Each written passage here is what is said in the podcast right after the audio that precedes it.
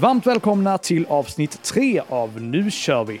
En podcast av Melodifestivalklubben OGAE Sweden.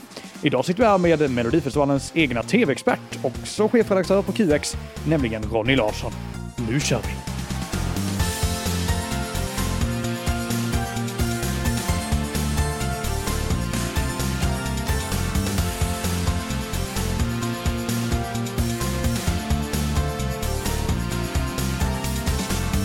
Det är riktigt. Ni lyssnar alltså på avsnitt tre här i Nu kör vi och vi sitter ju som sagt med Ronny Larsson. Hej Ronny! Hej hej! Hur mår du idag? Jag mår jättebra. Jag har precis kört igenom program tre, lite grann av det vi ska göra. Så det känns jättebra. Jag är laddad inför lördagen. Kan du inte börja och, och, berätta lite, för det kan ju vara så att inte alla, eh, trots att man har sett ditt ansikte i tv, att alla kanske inte faktiskt vet vem du är. Kan du inte berätta lite, vad, vad gör du i produktionen? Ja, precis. I, I, vanliga fall så brukar jag åka runt på eh, mediasidan och vara journalist och bevaka Mello för QX räkning, vilket jag har gjort i 20 år. Um, I år har jag fått en annan roll, så att jag och Tina Merafzon är ju expert, eh, experter helt enkelt under sändningen och kommenterar lite grann och lyfter fram tävlingsaspekten av det hela så att det inte bara blir ett glittrigt nöjesprogram med härliga låtar och kul innehåll och så, utan vi ska ju även trycka på liksom just att det faktiskt är en musiktävling. Fast det är väl ett kul innehåll också, det, det ni gör? Alltså det är ju inga avstickare. Nej, men, det, men jo, men det är nog kul, men jag tror att vi lite grann ska upprätthålla just alltså, tävlingsaspekten och ge lite grann en bakgrund till artisterna och kanske låtarna och lyfta fram kompositörer och så. Liksom. så att, men, men det är klart att det är roligt, men det är kanske roligt för era lyssnare också, tänker jag, för att vi har samma typ intresse, grundintresse av Melodifestivalen. Vi har ju ett helt poddavsnitt där vi ska prata jättemycket såklart om, eh, om årets produktion där du medverkar. Men eh, Anton, vi har ju en stående fråga som vi börjar med. Du får väl eh, ta den. Ja, men vi börjar ju alltid med att fråga vår gäst om ett specifikt år eh, mellan 1956 och 2024 som betyder extra mycket för gästen. Så Ronny, vilket år betyder extra mycket för dig i Melodifestival eller Eurovision-sammanhang?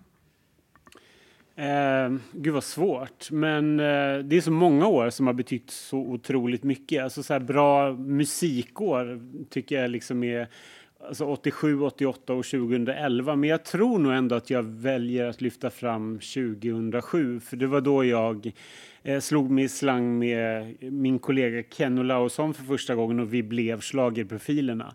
Och det var, det var liksom starten för en era för mig som var, har varit fantastisk. Att få åka runt och göra det här tillsammans med en person som betyder så otroligt mycket för mig. Vi är födda på samma dag, vi är som bröder vi, vi är inte födda samma år ska jag säga, men vi är födda på samma dag. Eh, och vi har alltid så himla kul och det är liksom det som har gjort att jag har varit kvar inom det här så länge. Alltså, det, är, det är fantastiskt att kunna ha en vän och kollega som man har så roligt med och som man kan bolla åsikter med. Vi tycker väldigt olika musikmässigt ibland. Jag är kanske lite mer för liksom, gammaldags slagergrejen medan han lyssnar mer på modern musik och så. Och det, jag tror att det är det som är nyckeln till att, att schlagerprofilen har gått så bra genom de här åren. Att vi vågar säga vad vi tycker och sen så kanske det inte har varit det bästa under alla år och folk har varit arga på oss och så, men det får vara. Ja, ni, du säger alltså 2007, eh, då ni började tillsammans och rapportera från Melodifestivalen. Var det någon särskild låt från 2007 som har satt sig på minnet, mer än eh, kanske The Ark eller Uno och Irma? Var det någon mer som var väldigt speciell? Uh, Uno Irma vet jag inte om den har satt sig i huvudet på mig. Men jag, jag tror nog Marie Lindberg fortfarande sitter väldigt starkt för mig. Eh, jag tyckte om den låten första gången jag hörde den och jag blev så glad att hon skrällde och, och att hon blev en symbol för liksom melloskrälla genom åren på något sätt. Eh, sen tycker jag att det fanns otroligt mycket andra bra låtar det året, även om jag nog där och då tyckte att de tidigare åren hade varit betydligt bättre än 2007. Men jag älskade till exempel Onani tar saken i egna händer med After Dark och var så ledsen när den åkte ut. Eh, och jag tycker Sonja Aldéns För att du finns är jättebra. Liksom. Men det jag tror att 2007 är nog inte främst på grund av musiken utan det är nog mycket för att jag tycker att ja, men det är ett betydande år för mig. Liksom. Ja, vi är faktiskt tillbaka i Småland där eh, 2007 tävling startade i Jönköping. Eh, vad har du att säga om den deltävlingen generellt? Eh, att det är en riktigt dålig deltävling tycker jag. Jag tycker att den är en av de sämsta kanske som vi har bjudits på sedan Mellon började åka på turné. Eh, nej, det finns ingenting bra att säga om den tror jag. Alltså, jag tyckte om eh, Sofia Berntsson kommer jag ihåg i den deltävlingen. Men resten, alltså Tommy, Tommy Nilssons Jag tror på människan. Fy hundarna alltså. Nej, usch, nej det, en, det Men det var ju också det här året då det skulle finnas ett tänk här för mig hos, hos Christer Björkman att det skulle börja halvdant och skulle bli bättre och bättre och bättre. Och så var det väl ganska mycket. Liksom. Man, man märker, det är verkligen ett, ett, ett, en bössamling i första deltävlingen.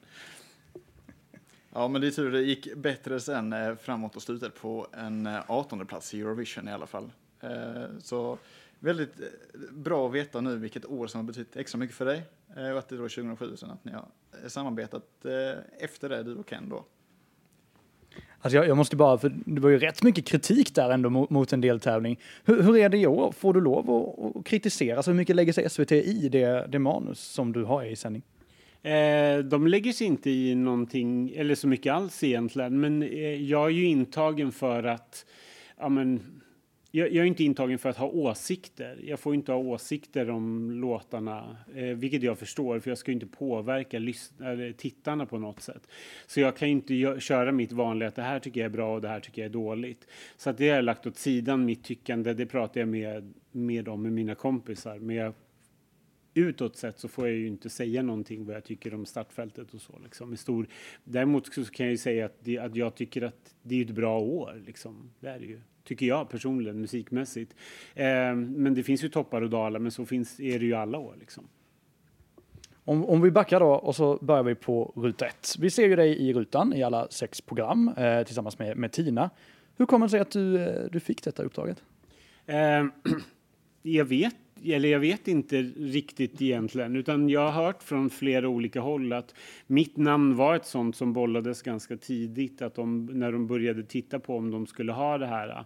Eh, för att jag har jobbat, ja, för att jag har jobbat länge, för att jag har en trovärdighet och för att jag uppenbarligen är någon som de gillar i, har gillat i rutan liksom, och har sett i olika sammanhang. Någonstans har jag hört också att så de fick ett extra stort förtroende för mig efter förra året när jag eh, tippade alla låtarna rätt i deltävling 3 i det, i det här försnacket och så nämndes det i eftersnacksprogrammet också.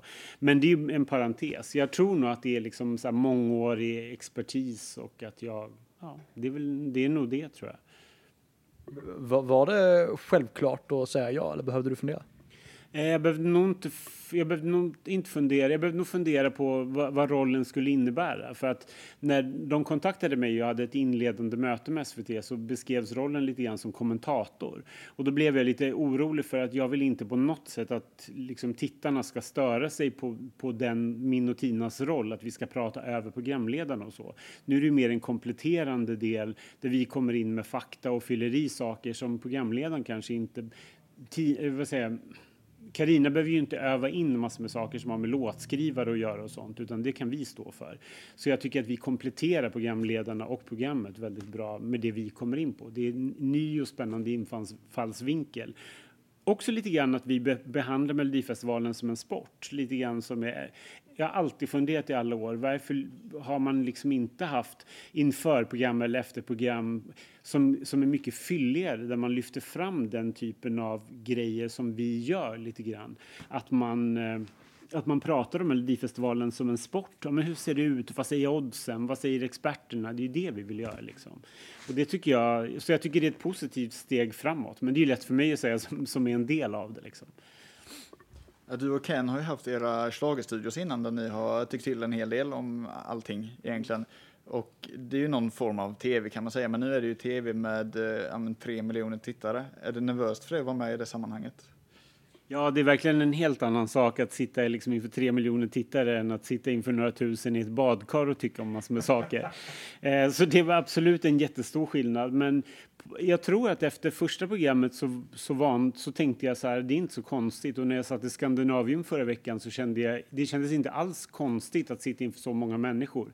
Så det, den aspekten är inte så jobbig. Däremot så tycker jag nog att när jag tänker efter efter att det är direktsändning så infinner sig en viss puls. Liksom. Men jag tycker inte att det är jobbigt att sitta i tv-rutan. Det är nog bara just att direktsändning, att nu är det allvar och att man ska snabbt kunna alltså, fylla ut tiden eller brodera ut något, någon utläggning man har eller framförallt se resultaten när rösterna kommer in. Liksom. Du har, du har gjort två program än så länge. Det är Malmö och så är det Göteborg. Vilket var värst än så länge?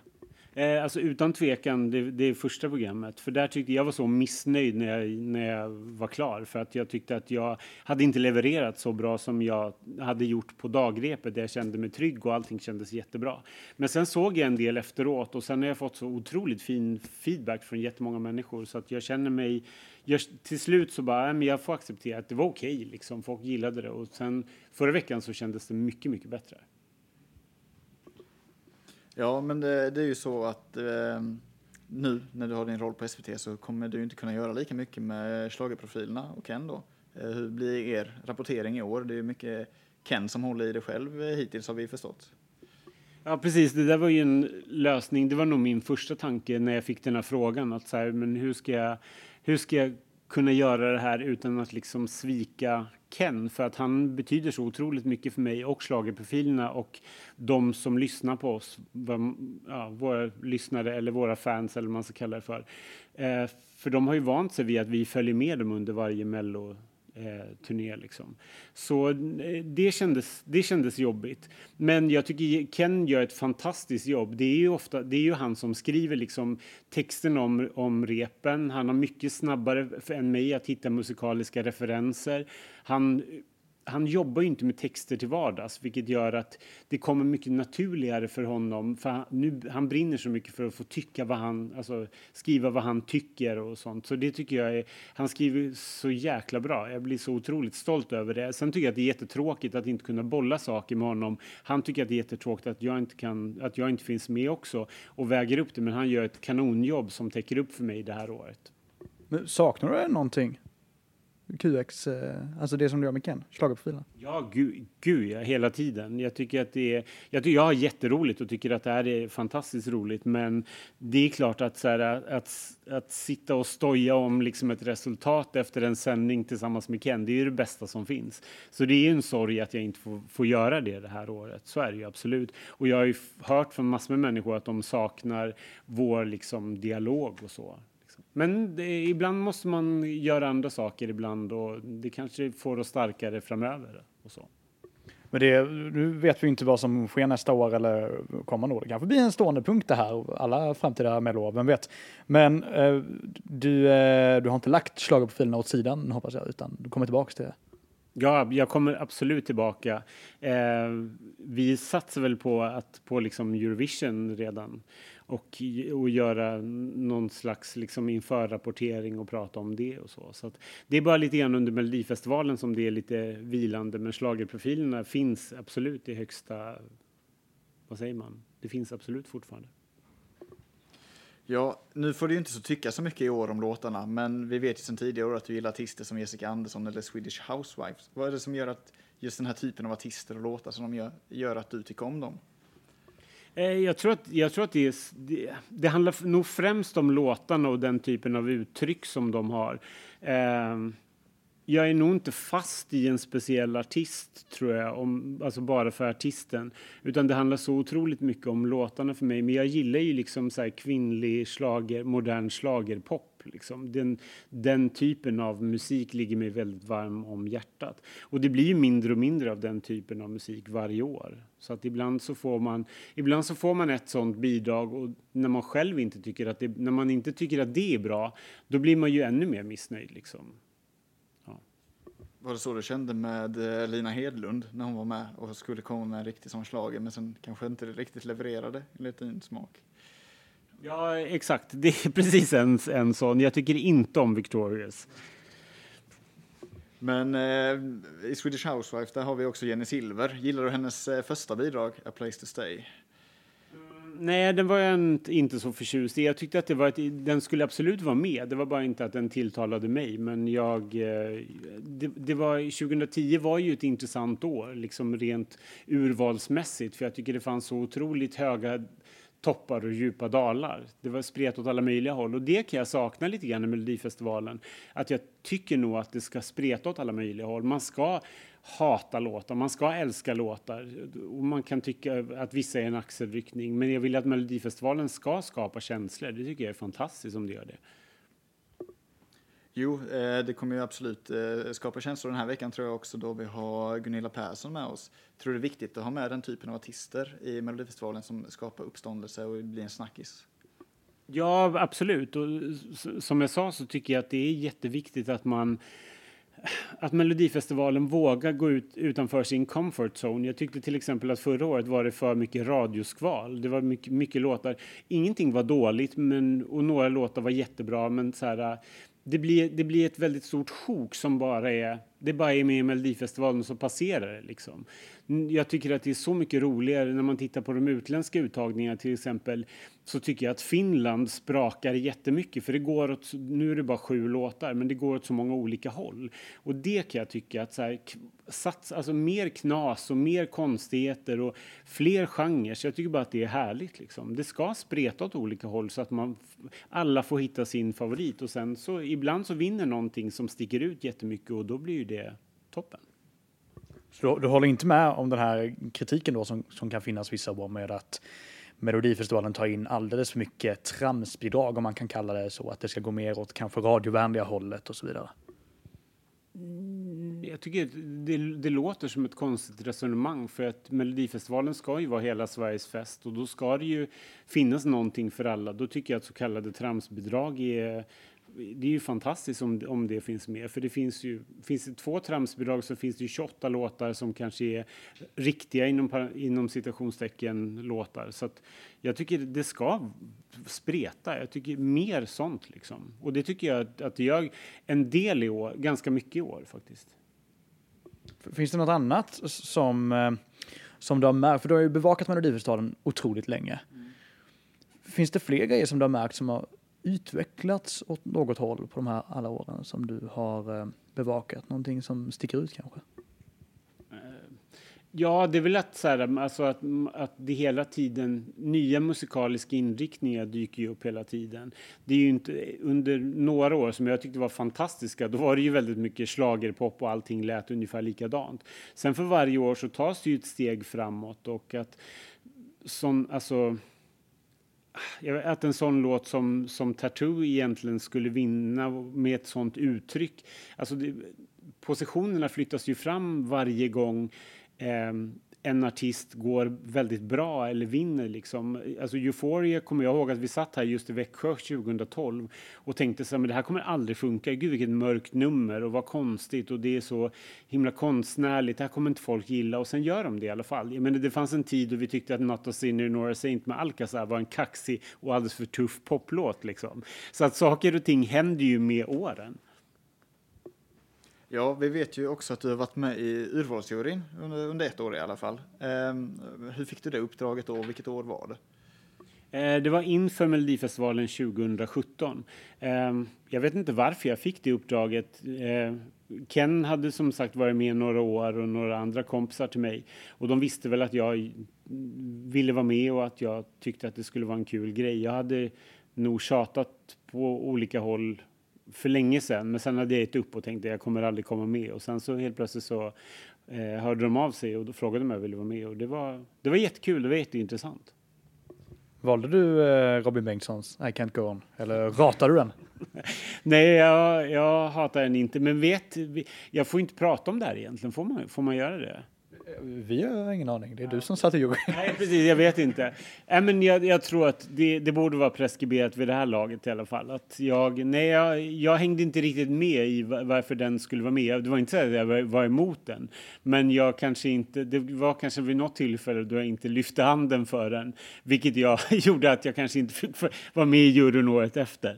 Men eh, jag tror inte att det var. Det var, bara, det var nog inte bara det, men eh, men jag, jag, jag, tycker att det är en jättebra låt. Jag tycker att det var en helt... Jag tycker att det är en, jättebra, en bra vinnare. Det är en bra poplåt och ett jättesnyggt nummer. Så jag, den har jag ingenting emot. Liksom. Det finns många låtar från 2017 som jag kanske hellre inte skulle se där. Men eh, det får man gissa sig till. Vilka, eller det kanske man kan märka om man går tillbaka och ser vad slagprofilerna tyckte om det året. Men du har, aldrig, du har aldrig fått frågan igen om att sitta i urvalsjuryn? Nix, aldrig mer. Sk- Skulle du vilja det?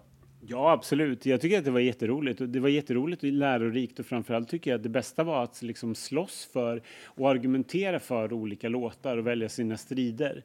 Um, man kan ju inte bara gå in där och, och fightas för en sak. Det är klart att jag vill att, så här, att jag vill höra en viss typ av musik personligen, men jag har alltid, jag har alltid nog tänkt att melodi alltså resonera för Melodifestivalens bästa.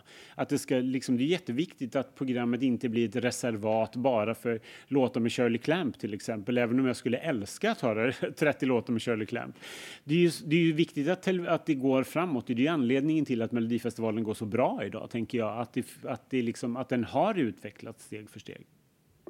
Men var det någon låt som du slogs för då under 2017 som du kan avslöja här? Eh, ja, jag kan säga att jag höll ett brandtal för en, för en låt som till slut kom med. Eh, så att folk, jag kommer ihåg att folk tackade mig efteråt och var så imponerade över att jag liksom hade slagits för den här låten. Jag kan inte säga vilken det var, men den gick, eh, den gick, inte, så, den gick inte så bra. Den gick inte så dåligt heller, men den gick inte så bra. Men den låten, jag, den, hade, den fanns i en annan version eh, som jag slogs för. Jag tycker inte att den kanske gjordes, gjordes lika bra i tävlingen. Ja, men då kanske vi eller gissa att det kanske inte var någon som kom sist eller någon som kanske gick direkt till final heller. Utan, eh, vi får väl gissa helt enkelt då vad det, vad det kan vara för låt. Ja. Men eh, nu framöver under året, eh, de här kommande veckorna, vad kan vi förvänta oss av dig och Tina i tv-rutan? Eh, jag tror bara att vi kommer, vi kommer väl fortsätta med det vi har gjort hittills, att leverera liksom så kul fakta och kul knorrar och eh, rapportera om saker som händer kring repetitionerna och kring, liksom så här, kring tävlingen i stort. Vi kommer väl liksom så polera upp den roll som vi har haft alltså som vi hade i program 1 och 2, ännu mer. Nu börjar vi hitta en ton och vi börjar liksom bli mer samspelta, så vi kommer väl fortsätta med det. Vi ska inte ta över programmet på något sätt. Vi är absolut inte programledare, utan vi ska bara vara den här lilla kryddan som gör att folk kanske får den här lilla extra informationen. Och det verkar ha landat ganska väl tycker jag ändå. Folk verkar inte störa sig på oss och folk kanske inte tycker att vi är fantastiska. Men vi finns där och vi är ett bra komplement till liksom programinnehållet i stort. Man märkte ju lite skillnad mellan första och andra programmet och till exempel att eh, du och Tina pratade mellan låtarna eh, i några sekunder då innan vykortet satte igång. Kommer det fortsätta nu kommande veckor, eh, det, det segmentet? Absolut, det kommer det göra och vi har fått eh, några, några sekunder mer den här veckan faktiskt. Eh, för att de, eh, SVT gillade det så mycket och tyckte att det var ett bra grepp. För det gör ju att vår ton och vår, liksom, våra röster svävar över liksom, varje deltävling på ett helt annat sätt än att vi bara kommer in som två muppar på balkongen i, och liksom så säger olika saker. Så att jag tror att det för ihop liksom programmet på ett, sätter liksom ett klister mellan de olika låtarna ganska bra tycker jag. Men jag tänker när man går, om vi går lite backstage då i, i det här då, något som titta, tittarna får inte se allt som händer bakom kulisserna och så. Men har det varit något moment nu med dig och Tina här nu i tv som det har varit så att det var på väg att gå fel eller det var något som ni, ni fick ändrade instruktioner i sista minuten? Har det varit något sånt? Mm, nej, inte direkt. Det var nog mer att vi i första programmet fick vi höra flera gånger att vi skulle prata, att vi skulle förlänga för det var någonting som, att det fanns extra tid att prata ut prata liksom lite grann. Och det var lite jobbigt när man gör direktsändning för första gången, att bara prata på. Men annars har det inte varit någonting. Alltså det jobbigaste momentet tycker jag nog är, det är när, vi, när jag får resultatet och man snabbt ska liksom så här hinna eh, dra någon analys av det. Det ska gå så otroligt snabbt och så får ingenting vara fel.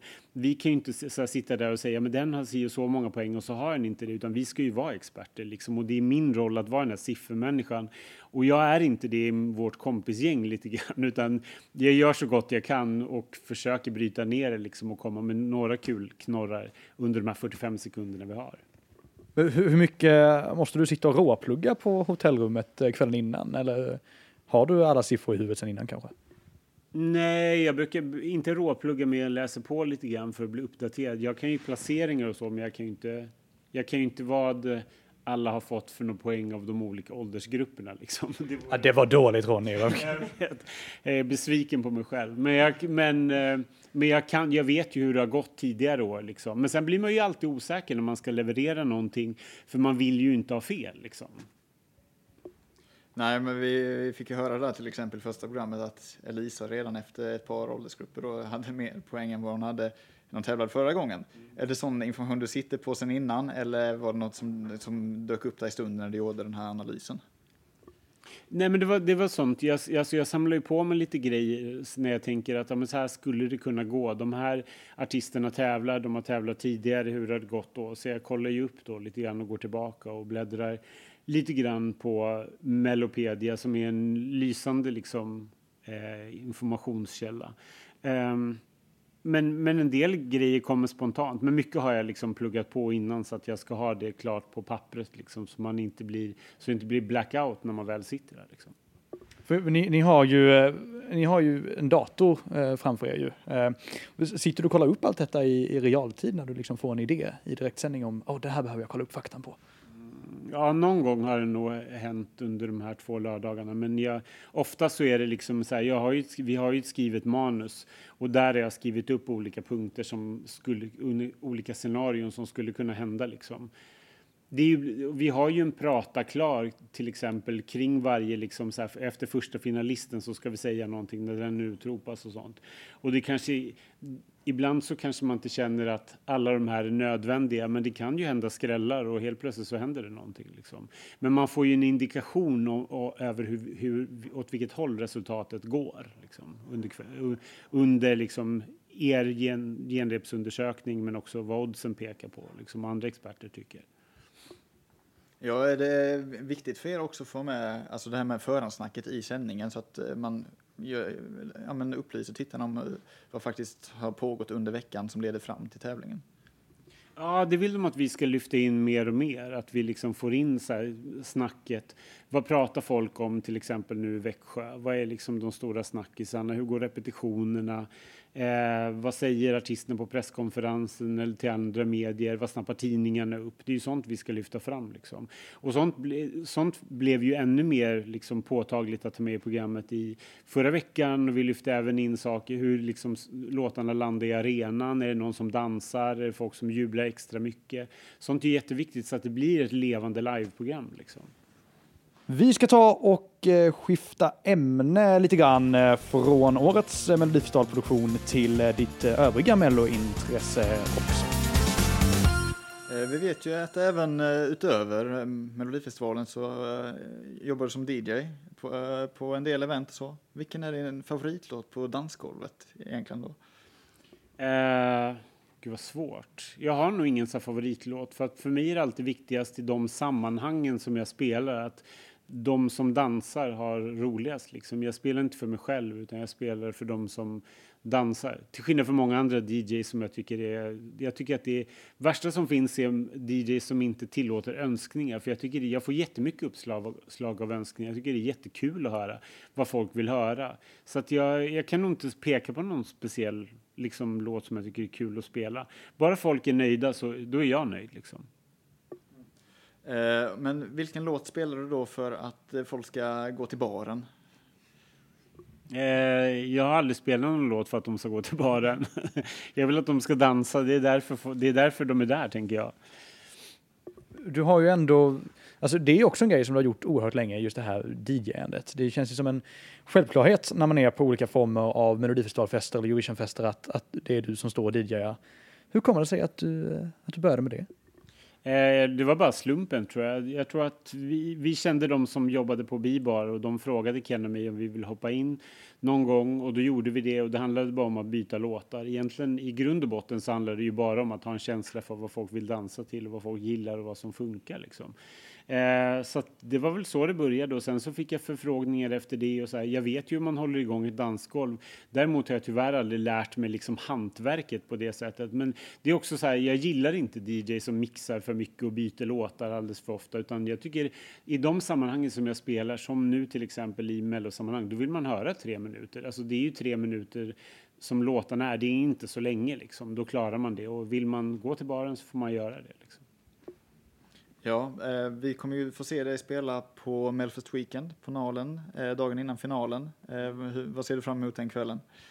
Eh, det ska bli jätteroligt. Det är en av de absolut roligaste spelningarna man kan göra förutom på Melodifestivalklubbens årsträffar. Eh, det är jätte, jättekul för att det är så många utländska fans som kommer hit och det, jag älskar att man. Jag har drömt om att få spela på liksom stora dansgolvet där. Det har inte hänt fortfarande, så det känns jätteroligt att göra det i år och att få lyfta fram de här, eh, här nationella favoriterna. Liksom, det finns så mycket låtar man kan plocka upp från den här mellos eller vad säger man? National Finals-säsongen. Liksom. Det finns ju jättemycket bra musik. Och gamla så här, hits såklart. Men jag vill inte spela sånt som är det mest uttjatade utan jag vill ju spela de här nya låtarna. Det finns jättemycket bra låtar från Italien och Norge och Finland för den delen som jag vill spela. Vi kan passa på att slänga in ett litet eh, reklamsegment här. För de lyssnare som inte vet vad Melfest Weekend är så är det alltså ett eh, event som pågår under flera dagar under finalveckan av Melodifestivalen i Stockholm varje år. Där det är uppträdande och konserter av diverse artister från Melodifestivalen i Eurovision och där du då kommer spela, Ronny. Så att eh, det är man eh, varmt välkommen till om man vill eh, ja, förgylla sin helg i Stockholm kanske, istället för bara gå på Friends Arena. Ja, vi vet ju eh, några artister som är klara redan. Eh, bland annat Sanna Nilsen kommer dyka upp där. Vad har du för Sanna Nilsen-favorit, Ronny, genom, genom tiderna? eh, utan tvekan eh, Undo. Jag tycker att det är en av de kanske tio bästa mellolåtarna som någonsin har liksom Eh, som, som existerat. Jag tycker det är en fantastisk ballad. Jag älskar den verkligen. Det var liksom så här, det, den sammanfattar allting som jag tycker är bra med Sanna och det, det framförandet hon gjorde i finalen i Köpenhamn var magiskt. Jag ryser fortfarande när jag tänker på det. Den kunde ha vunnit Eurovision om det hade, om liksom, om eh, saker hade sett annorlunda ut. Det är en otrolig låt tycker jag. Men jag gillar alla Sannas låtar. I'm in love tycker jag är jättehärlig. Eh, ja, jag tycker Sanna har ett jättebra gäng låtar i Mello. Jag vi får väl hoppas att hon eh, kör allihopa då, alla sju, eh, under fredagskvällen eh, på Nalen. Men du nämnde lite andra utländska tävlingar här precis. Och har du hunnit hitta någon favorit av dem i år? Uh, jag måste bara tänka efter. Jag tyckte att Norge gjorde ett jättebra val. Jag, jag tyckte att Gåte när jag hörde den första gången så var jag bara, vad är det här för någon skit? Men sen så när jag hörde den liksom, när jag började lyssna på låtarna igen så kände jag bara, den har någonting så här hypnotiskt över sig som jag tycker är fantastiskt. Jag tillhör ju de som kanske inte ville se Keino igen, även om jag tycker att deras låt växte. Så kände jag bara, nej men nu är det dags för någonting annat och jag, tyck, jag tror att det kommer gå superbra för Norge faktiskt. Eh, det är nog den tror jag. Sen gillar jag nog jag tyckte att Italien valde en bra låt. Eh, jag, tycker att, jag tycker Finland valde fel låt. Det fanns betydligt bättre låtar. Eh, Spanien hade också, hade, gjorde ett kul val tycker jag, men det är inte liksom i närheten. Jag tror inte att Chanel-framgångarna kommer upprepas direkt. Nej, vi får väl se helt enkelt när det närmar sig Eurovision och vi har ett komplett startfält i Malmö. Men vad tror du om eh, Sveriges chanser då i Eurovision? Ja, alltså, det är jättesvårt med tanke på att jag inte vet vad vi skickar. Men, eh, men skickar, jag vad jag, skickar, skickar vi vad jag hoppas att vi skickar så kommer det gå jättebra. Vad, vad är det du eh, hoppas på då? det, får jag, det får jag verkligen inte svara på. Du förstod att en fråga skulle komma där? Det förstår jag. men det, det får jag inte svara på. Okej, men, men eh, jag tänker vi kan, vi kan backa bandet lite jag vill jätte, jättegärna veta var det här stora mellointresset började någonstans. Alltså nu, får du, nu får du backa många år bak i historien här. Tack för att du påminner mig. Eh, nej, men det började, det började, jag har sagt det här så många gånger tror jag i olika sammanhang, att det började när eh, vi stängde av en Bamse-video som vi hade tittat på, en VHS-kassett. Och jag såg Carola vinna Melodifestivalen med Främling. Och efter det var jag bara så här, det här låter, verkar jättespännande. Carola blev en jättestor idol. Sen såg jag Melodifestivalen i sin helhet 1984. Eh, min favorit då var Sankte Cecilia med Eh, Eh, Lotta Pedersen då, nu Engberg och eh, Göran Folkestad. Jag tyckte det var en jättehärlig och bra låt. Medan min brorsa älskade Diggiloo Diggiley. Och sen så eskalerade det bara. Och så sen, sen satt jag där liksom hemma med röstningstabeller och så och hade olika favoriter och åkte in till eh, Stockholm city och gick på Åhléns och köpte, de här, köpte singlarna liksom. Eh, och sen har det bara rullat på. Även många av mina kompisar då, då, fanns, då tittade man på det också och tyckte att det var ett stort, liksom många tyckte att det var ett stort event.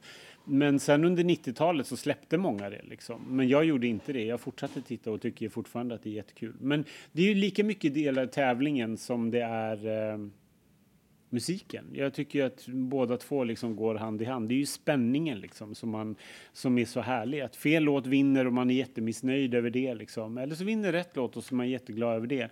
Men det finaste är ju att man får så mycket låtar som man kan fortsätta lyssna på resten av året. Men det är aldrig så att du, du, du tröttnar på det? Liksom. Det var ingen uppmaning att du ska tröttna på det, för det tycker jag verkligen inte. Men går det, går det ens att få för mycket medel? Det kanske inte går att få? Jo, men jag tror att det, det, finns nog en viss mättnad om man skulle utöka det här, att det skulle vara ännu mer än sex veckor kanske. Det tror jag skulle vara det skulle nog vara lite too much, så det är jag glad att man inte har försökt med. Jag tycker det är ganska bra. Det ligger bra där det ligger alltså årstidsmässigt, tristaste tiden på året. Vi behöver liksom förgylla februari och mars och så här, våren kommer ju mycket snabbare när man genomgår de här sex veckorna. Liksom. Så jag tror inte att man kan få för mycket eh, för mycket mello alltså, i det formatet som det ser ut. Men skulle man utöka det tror jag att folk skulle tröttna och tycka att det var lite för mycket. Men jag menar, det är ju liksom så här, vi, folk ser 13 avsnitt varje säsong av Let's Dance eller av The Masked Singer utan att tröttna. Så jag tycker det är helt obegripligt att man tycker att det är för mycket med sex veckor. Det är ju ingenting. Sex program liksom. Titta bara på finalen i sådana fall, alltså, och strunta i resten. Det finns ju en, det är en jättebra valmöjlighet och så kan man låta alla andra välja låtarna till finalen men man bara fokuserar på finalen. Men låt oss nördar och vi som älskar Melodifestivalen ha de här sex veckorna. Ja, det var ändå, ändå fint eh, kommenterat eh, tycker jag faktiskt. Men har, har det alltid varit eh, självklart för dig att, att bevaka och jobba med Melodifestivalen? Eller har det funnits andra drömmar hos dig också? Mm, nej, nej, men just alltså jag har alltid tyckt att det varit så kul så jag har inte tänkt så, så mycket annat. Allting annat har bara kommit liksom gratis vid sidan om. Jag började att slåss för att, att vi skulle bevaka Melodifestivalen för QX räkning eh, ett år efter att jag hade börjat. Det var liksom ett av mina mål. Att jag bara, gud vilken dröm att få göra det här. Och sen har det bara rullat på liksom. Eh, så att, ja, jag vet, jag vet inte. Vad, vad var frågan? Ja, det, precis. Ibland glömmer man bort det. Liksom. Nej, men om det alltid varit, alltid varit självklart för dig att, att arbeta med Melodifestivalen eller om du har haft någon annan dröm kanske som du har fått, fått lägga åt sidan? Nej, det har jag nog inte gjort. Jag har nog haft, alltså jag har inte så stora, det låter så sorgligt att säga, men jag har nog inte så stora drömmar. Jag tycker att det här är så, det här är så roligt och i övrigt så lever jag liksom ett så här kul liv. Jag har ett jättekul jobb och jag får göra massor med spännande saker och resa och så att nej, jag tycker det här det är toppen liksom. Och sen, sen har ju allting som sagt eskalerat bara och Ken och jag har fått DJ i liksom Eurovision-sammanhang. Jag har fått vara DJ i andra sammanhang. Jag har varit expert i olika paneler som har varit och jag får göra det här i år. Det är ju helt otroligt liksom. Jag är jättetacksam för det. Men vad är, vad är nästa mål nu då? Är det, är det att programleda hela programmet eller vad har du för, vad har du för mål som kommer här framöver nu? Nej, men jag tror att även jag inser mina begränsningar. Alltså jag skulle inte, jag skulle verkligen inte, jag skulle nog inte vilja vara programledare. Det känner jag inte, det är inte liksom min grej. Det finns så många andra som är så mycket bättre på det och har det, har det naturligt. Däremot så tycker jag att den rollen som jag har nu är, är kul, men jag skulle, jag skulle ju, jag skulle ju till, liksom, till exempel vilja vara liksom alltså plocka upp det här inför Eurovision-programmet och vara med, vara med som expert där och tycka olika saker. Göra det som Christer Björkman gjorde under några år. Liksom och få åsikter om låtarna igen, det saknar jag lite grann. Det tycker jag skulle vara jätteroligt. Eh, det gjorde jag ju inför 2019 när jag, när jag var Marika Karlssons bisittare i det här Studio Eurovision. Så det var jätteroligt. Så det hade varit en dröm att få plocka upp och sen få fortsätta med det här. Eh, vore ju otroligt. Men ja, eh, ett år i taget och jag är jättetacksam för att jag får göra det här och jag hoppas att SVT är nöjda med, med min insats nu liksom. Jag tänkte att vi ska avrunda här alldeles strax, men vi skulle ju vilja veta vilket som är ditt bästa mellominne genom åren och gärna då när du har bevakat det också. Uh, Gud vad svårt. Det har, hänt, det har ju hänt så mycket liksom. Men när jag bara, jag bara svarar från hjärtat och det är när Timotej gick vidare från deltävling 3 i Göteborg 2010. För det var min absoluta favoritlåt och det bara står för så mycket glädje över att vad som helst kan hända och plötsligt händer det. Plötsligt går ens favorit vidare och, man, och det är ju fantastiskt. Liksom. Det är det man älskar med Melodifestivalen. Att det behöver inte gå som vi i media eh, liksom har skrivit. Att alla, att alla odds pekar åt, åt ett håll men sen helt plötsligt så känner tittarna att bara, nej, det här var grejen, det här gillar vi. Och det är nog det som är en av de anledningarna till att jag tycker så mycket om Melodifestivalen. Vad som helst kan hända när som helst egentligen. Vi får ju testa att vända på steken här då. Vad, har du något minne som är ditt värsta minne genom eh, åren? Mm.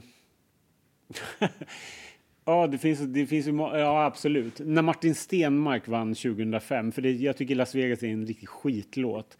Den, den, den, det fanns så mycket bra låtar det året och så vann den låten. Nej, då, då var jag riktigt missnöjd. Och att den, den vann med så få poäng. Nej, det tyckte jag inte alls var kul. Jag tyckte heller inte att det var kul när Ove Törnqvist gick direkt till final 2017. men, men det är en annan, det är en annan femma. Det, tiden går jättefort här. Vi har faktiskt hållit på i, i nästan eh, 40 minuter. Det har varit superkul att ha med dig eh, Ronny. Finns det någonting som eh, du, du vill ta upp som du känner att du inte fått sagt? Nej. Ja, nej, jag har nog fått sagt det mesta ändå tycker jag. Ja, nej, jag, jag har nog ingenting att, att tillägga. Det har varit jättekul att prata om det här och det är jättekul att prata om alltså, att nörda ner sig och gå ännu djupare in på allting. Det tycker jag är jätteroligt. Men sen finns det ju massor med saker som jag bara tänker, varför sa jag inte den låten eller varför sa jag inte det liksom? Men eh, de som känner mig vet nog vad jag brinner för och vad jag tycker om för någon typ av låtar liksom emellan. Stort tack Ronny för att du medverkat i avsnitt eh, tre av eh, Nu kör vi. Tack så jättemycket, kul att vara här. Och eh, om ni vill lyssna mer på podden så finns det två avsnitt till och vi kommer snart ut med avsnitt fyra också. I övrigt så hittar ni uppdateringar om Nu kör vi och allt annat som vi gör såklart under Melodifestivalturnén på alla våra sociala medier. Instagram, Facebook, TikTok och så vidare. Det är bara att söka på Melodifestivalklubben OGAE Sweden så finns vi där. Vi säger så länge på återseende och ses i nästa avsnitt.